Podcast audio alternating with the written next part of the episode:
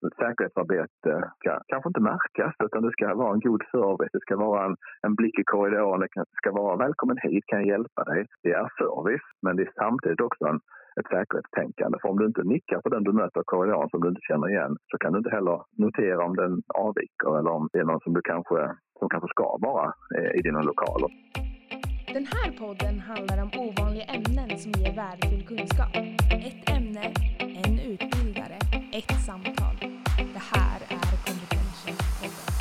Ja, idag ska vi prata med Andreas Ring som är före detta polis som klev av sitt polisiära arbete och startade företaget Säker kompetens där han vill bidra till ett tryggare och säkrare samhälle. Och lite brottsstatistik då eh, som är hämtat från Brå från 2021 där det då anmäldes 1,5 miljoner brott eh, som blev handlagda. Hälften avskrevs. Det man ser i jämförelse mot 2020 är att brotten generellt har sjunkit eh, till 2021 förutom, med undantag alltså för kategorin brott mot person. Så Andreas, som konsult ger du utbildningar och föreläsningar för att skapa en tryggare medarbetare och säkrare arbetsmiljö. Jag tänkte börja med när du pratar om trygghet, vad menar du då? Ja, precis. Och det är rätt viktigt att resonera kring begreppen trygghet och säkerhet. För de här två begreppen kan hänga ihop, men kan också liksom vara två skilda delar. Och jag skiljer på att trygghet handlar om en, en upplevelse, en bedömning, en, liksom en mer känsla av någonting. Medan säkerhet är det mer det konkreta, det faktiska. Och de här olika begreppen och olika delarna kan ju påverka varandra. Men, men det kan också vara så att man, man känner sig väldigt, väldigt trygg. Men när man inte vet det runt hörnan så kanske det lurar en fara. Alltså säkerheten är kanske ganska låg. Så det är intressant om, när man är till exempel på en arbetsplats att, att resonera kring varför vidtar vi den här åtgärden? Är det för att skapa ökad säkerhet och minska riskerna eller är det för att skapa en viss känsla hos kanske våra medarbetare eller hos en, hos en kund. Mm. Kan du ge något exempel på eh, en sån, ett sånt skapande av trygghet respektive säkerhet? Hur det i praktiken skulle se ut? Mm. Jag var ute på en arbetsplats, en receptionsverksamhet där man hade en, ett stort glasparti eh, vid receptionen, eller mellan receptionsdisken och, och eh, klienterna som man mötte. Och då, där upplevde personalen eh, det väldigt otryggt med ett glas för det kunde krossas och man ganska mycket insyn och så vidare. Vad man inte visste var att arbetsgivaren en tid eh, tidigare hade, hade laminerat den här eh, glasskivan så att den var betydligt mycket svårare att, att krossa och ta sig igenom. Så, så någonstans, glasskivan i sig upplevde kanske personalen kändes lite otryggt och det var insyn och allt det här. Medan de facto så hade arbetsgivaren ökat säkerheten genom att laminera. Man hade glömt att berätta det för för, för medarbetarna. Så när man då vidtar en sån åtgärd så förutom att då laminera och öka säkerheten så är det jätteviktigt att parter, till exempel med medarbetarna. Mm, så kommunikationen kring säkerheten är också väldigt, väldigt viktig. Den här med insyn också, den, det du var inne på, den här upplevda eh, osäkerheten eller otryggheten då, när man upplever sig kanske betraktad eller att man kanske sitter med ryggen mot en glasruta. Mm, precis. Samtidigt så kan ju, kan ju insynen också göra att andra ser och att på så sätt att man jobbar med både säkerhet och trygghet. Men, men att hela tiden reflektera över sin position när man arbetar eller sin arbetsplats. Så, att, eh, så man vill, jag vill få med både känslan och upplevelsen hos en kund eller hos medarbetaren och den faktiska riskminimeringen. Så man ska jobba med båda, båda delarna.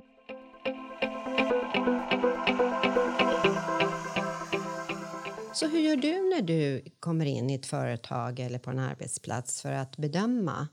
Ofta så tar jag en dialog med, med beställaren eller med chefen. I vissa fall så har man haft någon form av incident eller ärende som, man, som föranleder att man, att man utbildar. I andra fall så har man, kanske försöker man ligga steget före och till exempel utbilda och vidta andra åtgärder innan det har skett någonting. Så någon form av intervju, samtal med, med chef eller nyckelpersoner. Och sen är det rätt ofta som jag försöker göra någon form av platsbesök eller gå ett varv i lokalerna för att få lite mer, lite mer input och, utifrån från mitt perspektiv. Så det är väl så jag brukar samla information och sen kan man också då i mitt fall skräddarsy innehållet i en utbildning efter deras verksamhet. Så du säger utifrån ditt perspektiv, vad, vad är det du tittar med? Som, för du har ju professionella ögon kring det här ämnet. Mm. Ja, men någonstans att man, när man är i sin egen, det kan jag väl känna också, när jag är liksom i min eget, på mitt eget kontor, man, så kanske man inte alltid liksom lyfter blicken. Så ibland kan det vara bra med ett utifrån perspektiv och då har jag på mina polisiära glasögon kanske, eller min erfarenhet och, och kan se på, jag var ute på ett gym till exempel, när man är i reception, eh, jag skulle utbilda personalen, så innan utbildningen gick vi ett varv och tittade, tog lite bilder och så här som jag la in i bildspelet. Och precis framme vid receptionsdisken Eh, kortterminalen där man då hade möten med förbipasserande och medlemmar och, och, hade liksom ett inflöde. Där stod en, en jättestor sax nerstucken bland pennorna. Och det är klart att jag tog en bild på den och sen, sen när jag tittade på den så märkte ju receptionisten att ja just det där kanske inte var nu när vi ska prata säkerhet. Och det är lite så, det är rätt lätt att bli hemmablind, att inte riktigt tänka. Så det kan vara bra ibland att komma utifrån och se med, med perspektiv och också ställa de här frågorna som, som till exempel kring ett larm. Alla vet att vi har ett larm, men vet du som medarbetare vad, vad som händer när du trycker, hur du trycker? Vad är syftet med larmet och så vidare. Då, det, ibland handlar det också om att ställa frågorna. Jag kanske inte svaren, men jag ställer frågor och då får verksamheten själva komma med svar. Så även liksom de här detaljerna, detaljsynen, att det, små detaljer kan göra en stor skillnad? Mm. Ja, men helheten är ju en samling av massa detaljer. Så man kan tycka en, en liten detalj, eh, till exempel på ett larm, ja men du ska trycka på den knappen. Men vad alla inte vet kanske då är hur länge ska jag trycka? För det kan inte räcka till att nudda knappen, du måste kanske hålla inne den med en visst antal sekunder till den här manicken vibrerar. Eller vissa larm har två tryckpunkter, du måste trycka med två fingrar. Sådana små, till synes små detaljer är ju helt avgörande för att man till exempel ska kunna påkalla, påkalla hjälp. Ja, så kommunikation, information, information låter ju oerhört viktigt. Mm, mm, absolut. Vad är viktigt att tänka på om man nu skulle bli utsatt för någon våldsam händelse? Mm, och jag brukar dela upp det här, för som du har sagt, så kommunikation, där lägger vi ofta grunden. För genom en god kommunikation med en, en kund, eller en patient, eller en klient eller en förbipasserande så, så kanske man kan minska risken för missförstånd och irriterade kunder och så vidare och då få in färre konflikter. Så kommunikation, där brukar vi lägga ganska mycket, mycket fokus. Jag skulle du kunna ge ett exempel på vilken typ av kommunikation? Ja, det finns mycket exempel kring, kring vikten av en god kommunikation. Och då brukar jag säga att kommunikation handlar inte om att bemöta en annan person så som du själv vill bli bemött. För det finns någon form av eh, ordspråk eller något, eh, när man brukar säga att, eh, att man ska göra så. Men då är det, bättre, det är bättre att försöka bemöta en annan person så som du tror att den personen vill bli bemött istället. Och fundera på vad, vad kan jag göra i en kommunikation? Vad kan jag göra för att förtydliga ett budskap? Eller hur kan jag med mitt kroppsspråk och mitt, mitt, min mimik visa att jag lyssnar och så vidare. Så mycket handlar om att vad kan jag göra? Att få medarbetarna att tänka och reflektera kring sig själva och sitt sätt att kommunicera. Så där är, det, det är jätteviktigt. Och sen att man till exempel en kommunikation när någon börjar bli frustrerad eller arg. Hur kan jag då göra för att undvika att eskalera, att förvärra en konflikt? Hur kan jag kanske försöka prata lite långsammare i vissa fall när den andra parten som är frustrerad kanske börjar skrika eller höja rösten så kanske man inte i alla lägen själv ska avbryta tillbaka även om man då tycker att nu, nu blev jag avbruten.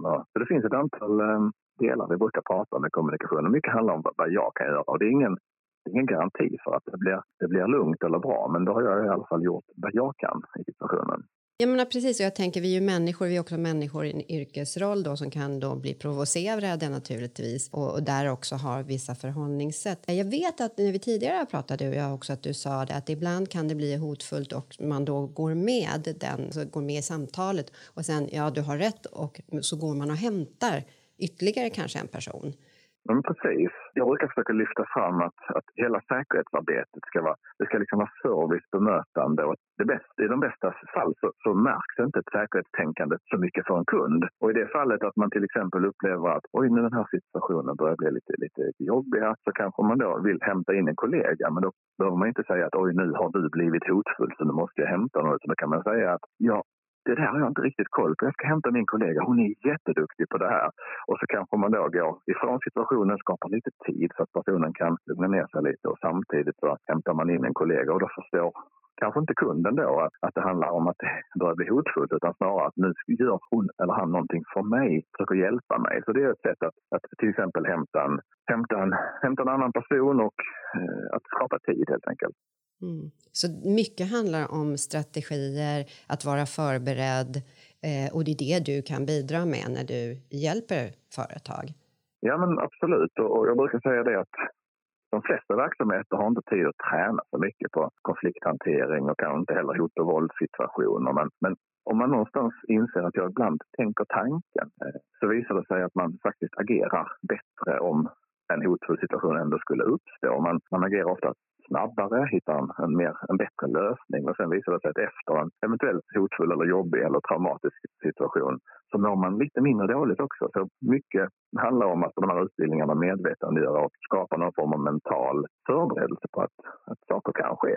Och har du dessutom tänkt den tanken och dessutom har kanske hittat på en lösning eller så här ska jag göra om någon hoppar in bakom min receptionsdisk eller om en klient ställer sig upp och ytter med näven så har jag, just det, där har jag min reträttväg, där har jag dörren så jag kan ta mig därifrån. Om man har tänkt tanken så sparar man eh, tid, en avgörande tid i en, i en hotfull situation.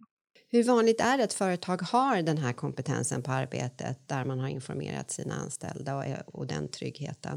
Jag upplever nog att de allra flesta arbetsgivarna idag jobbar med eh, man är, man är tvungen att jobba med arbetsmiljön och det har blivit ännu tydligare i, eh, när Arbetsmiljöverket tryckt på det här med hot och våld och att man ska undvika det. Så jag tycker de flesta arbetsgivare har, i min uppfattning, blivit bättre och är bättre framme idag än vad man är kanske för 10-15 år sedan. Och det jag upplever att det är fler arbetsgivare som agerar innan det har skett någonting. För det är annars eh, ganska klassiskt att man har en incident eller en arbetsskada eller en, hotsituation och sen efter det så ja, vi måste nog börja jobba med rutinerna och kanske utbilda. Men jag upplever att det är nog fler idag som, som ligger lite steget före och det är jag ju den första att säga att jag tycker det är bra att man, eh, man försöker förebygga de här incidenterna. Är du inne i den privata sektorn, offentliga sektorn eller både och? För jag tänker skolor, i arbetsplatser, sjukvården, i arbetsplatser och där kan det också förekomma våldsamhet.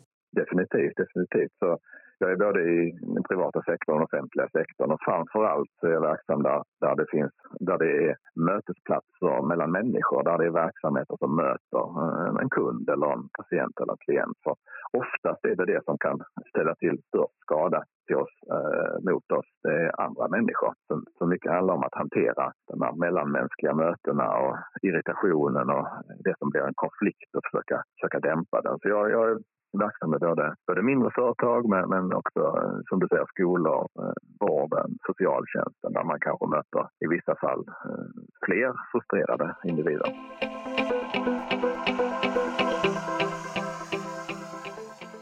vad ska man inte göra om man eh, råkar ut för en våldsam situation? Det är det alltid så här att varje situation är unik. Och även om vi lär ut vissa delar så är det mer ett förhållningssätt och att inse att ja, men, gör jag A så blir det inte alltid resultatet B. För det är ju en unik situation, unika människor och jag, alla vi som agerar är också unika. Så det finns liksom ingen, ingen färdig lösning. Men, men vissa saker brukar jag tipsa om att man, att man ska undvika. Till exempel att inte säga du är någonting. För den personen kommer förmodligen inte hålla med om det.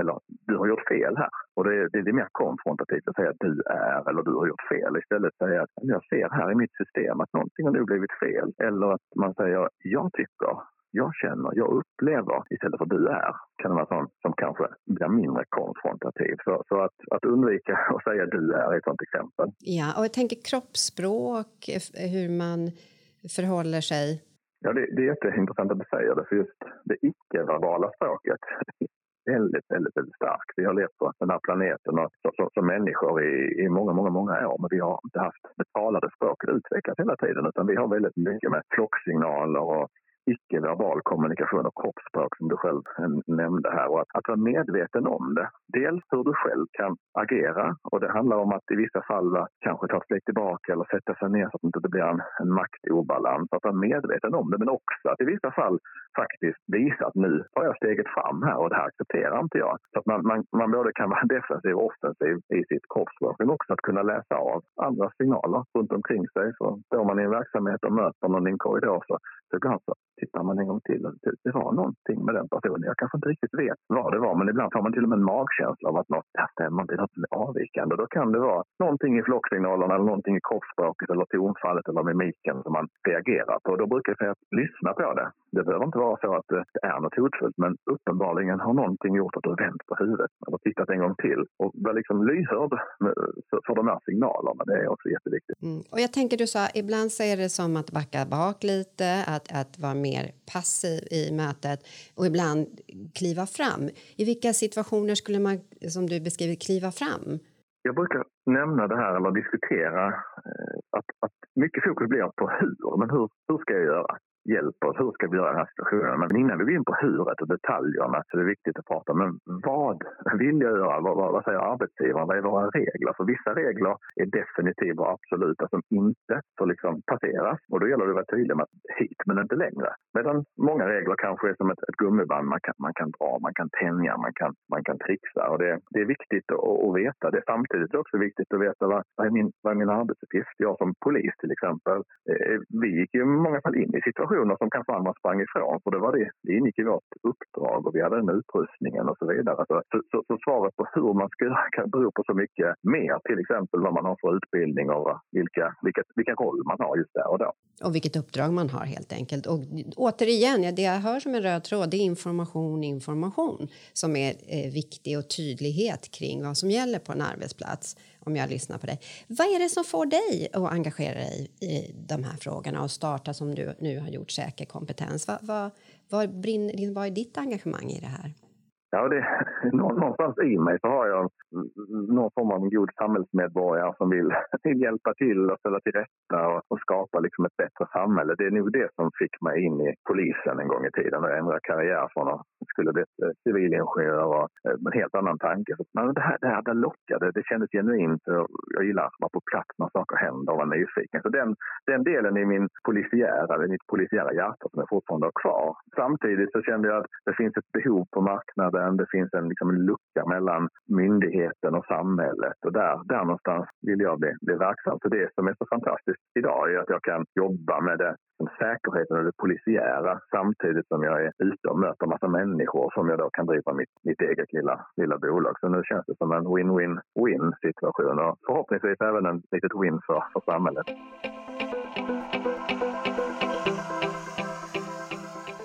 Så lyssnare som sitter där ute, varför skulle de anlita dig? Vad är det? Hur, hur ska de veta att de behöver dig? Jag tror att de allra flesta verksamheterna eh, behöver på något sätt agera. Eh, det handlar om som sagt en arbetsmiljö, att skapa en trygg och säker arbetsmiljö. Då, då presterar medarbetarna bättre.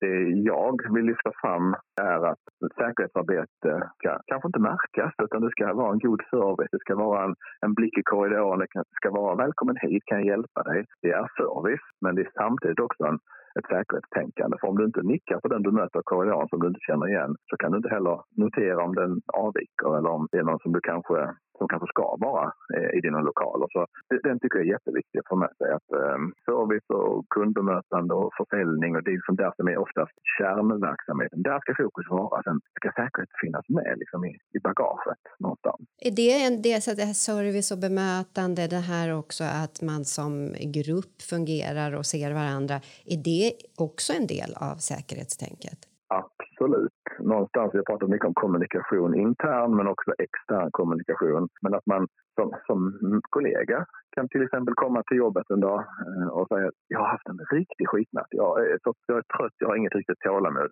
Okej, det är ganska bra information för mina kollegor att få in. För den kollega som kanske annars har en ganska eh, stort tålamod och, och liksom kommunikativ kanske den här gången inte är det den här dagen. Och då kanske inte hon eller han ska stå längst fram i en jobbig diskussion eller konversation utan då kanske kollegorna lättare ska, eller snabbare ska hjälpa till. Och likaså om man har varit med i en situation att man kan säga, komma till jobbet och säga det här tycker jag inte, det känns inte bra. Det här är lite läskigt. Då handlar det inte om att man är feg eller eh, att det är något negativt utan snarare vad bra att du lyfter fram detta. Ja, det låter ju också som att skapa ett gott team, en öppenhet. Och, och, och återigen så blir det röda tråden kommunikation, tydlighet, service och bemötande tänkande. Ja, men absolut. Och sen det är också viktigt att veta vad, vad kan jag förvänta mig av mina kollegor. Om jag, om vi trycker på det här larmet, kommer kollegorna och vad ska de i så fall göra? Ska vi, ska vi hela kavalleriet komma in med, med tio kollegor inspringande kanske förvärrar en situation? Då kanske det räcker att, att en kollega öppnar dörren och går in och kollar. Ja, allt bra här inne. Lite så. Och det kanske är så att det inte är en, en, en jätteeskalerad situation än. Och då kan de andra kollegorna kanske stå kvar utanför det här samtalsrummet och bara finnas med om det skulle, skulle bli någonting. Och alla de här delarna är ju mycket lättare att hantera och agera i om man har lyft upp det, om man har pratat om det, om man har haft det liksom på agendan. Ja, det låter ju som någonting som borde vara obligatoriskt på varje arbetsplats. Ja, det, det, tycker jag också. Det tycker ju Arbetsmiljöverket också att det här det ska finnas med. Så jag, jag, jag är beredd att hålla med dig där. Så vad härligt eh, Andreas. Nu har vi fått lite förtydligande eller rätt mycket förtydligande kring just att skapa trygghet på arbets och en säkrare arbetsplats. Eh, någonting du vill tillägga? Jag tror att med det de, de viktigaste eh, delarna. Och som sagt, jag brukar vilja lägga grunden som vi har tjatat om under den här eh, inspelningen med, med kommunikation. Men också att tänka på vad kan jag själv göra när, när situationen förvärras. Och, och även i en jobbig, hotfull situation att man, att, man, att man har någon form av plan, någon form av mental förberedelse. För då, då ökar chansen att man agerar och eh, dessutom inte mår så dåligt efter. Tack så mycket Andreas. Tack så jättemycket. Utgivare av denna podd är Kompetenstjänst. Ett utbildningsföretag som erbjuder utbildningar och föreläsningar för fortbildning inom offentlig sektor. Så missa inte den korta versionen av detta avsnitt för ännu mer tips och kunskap.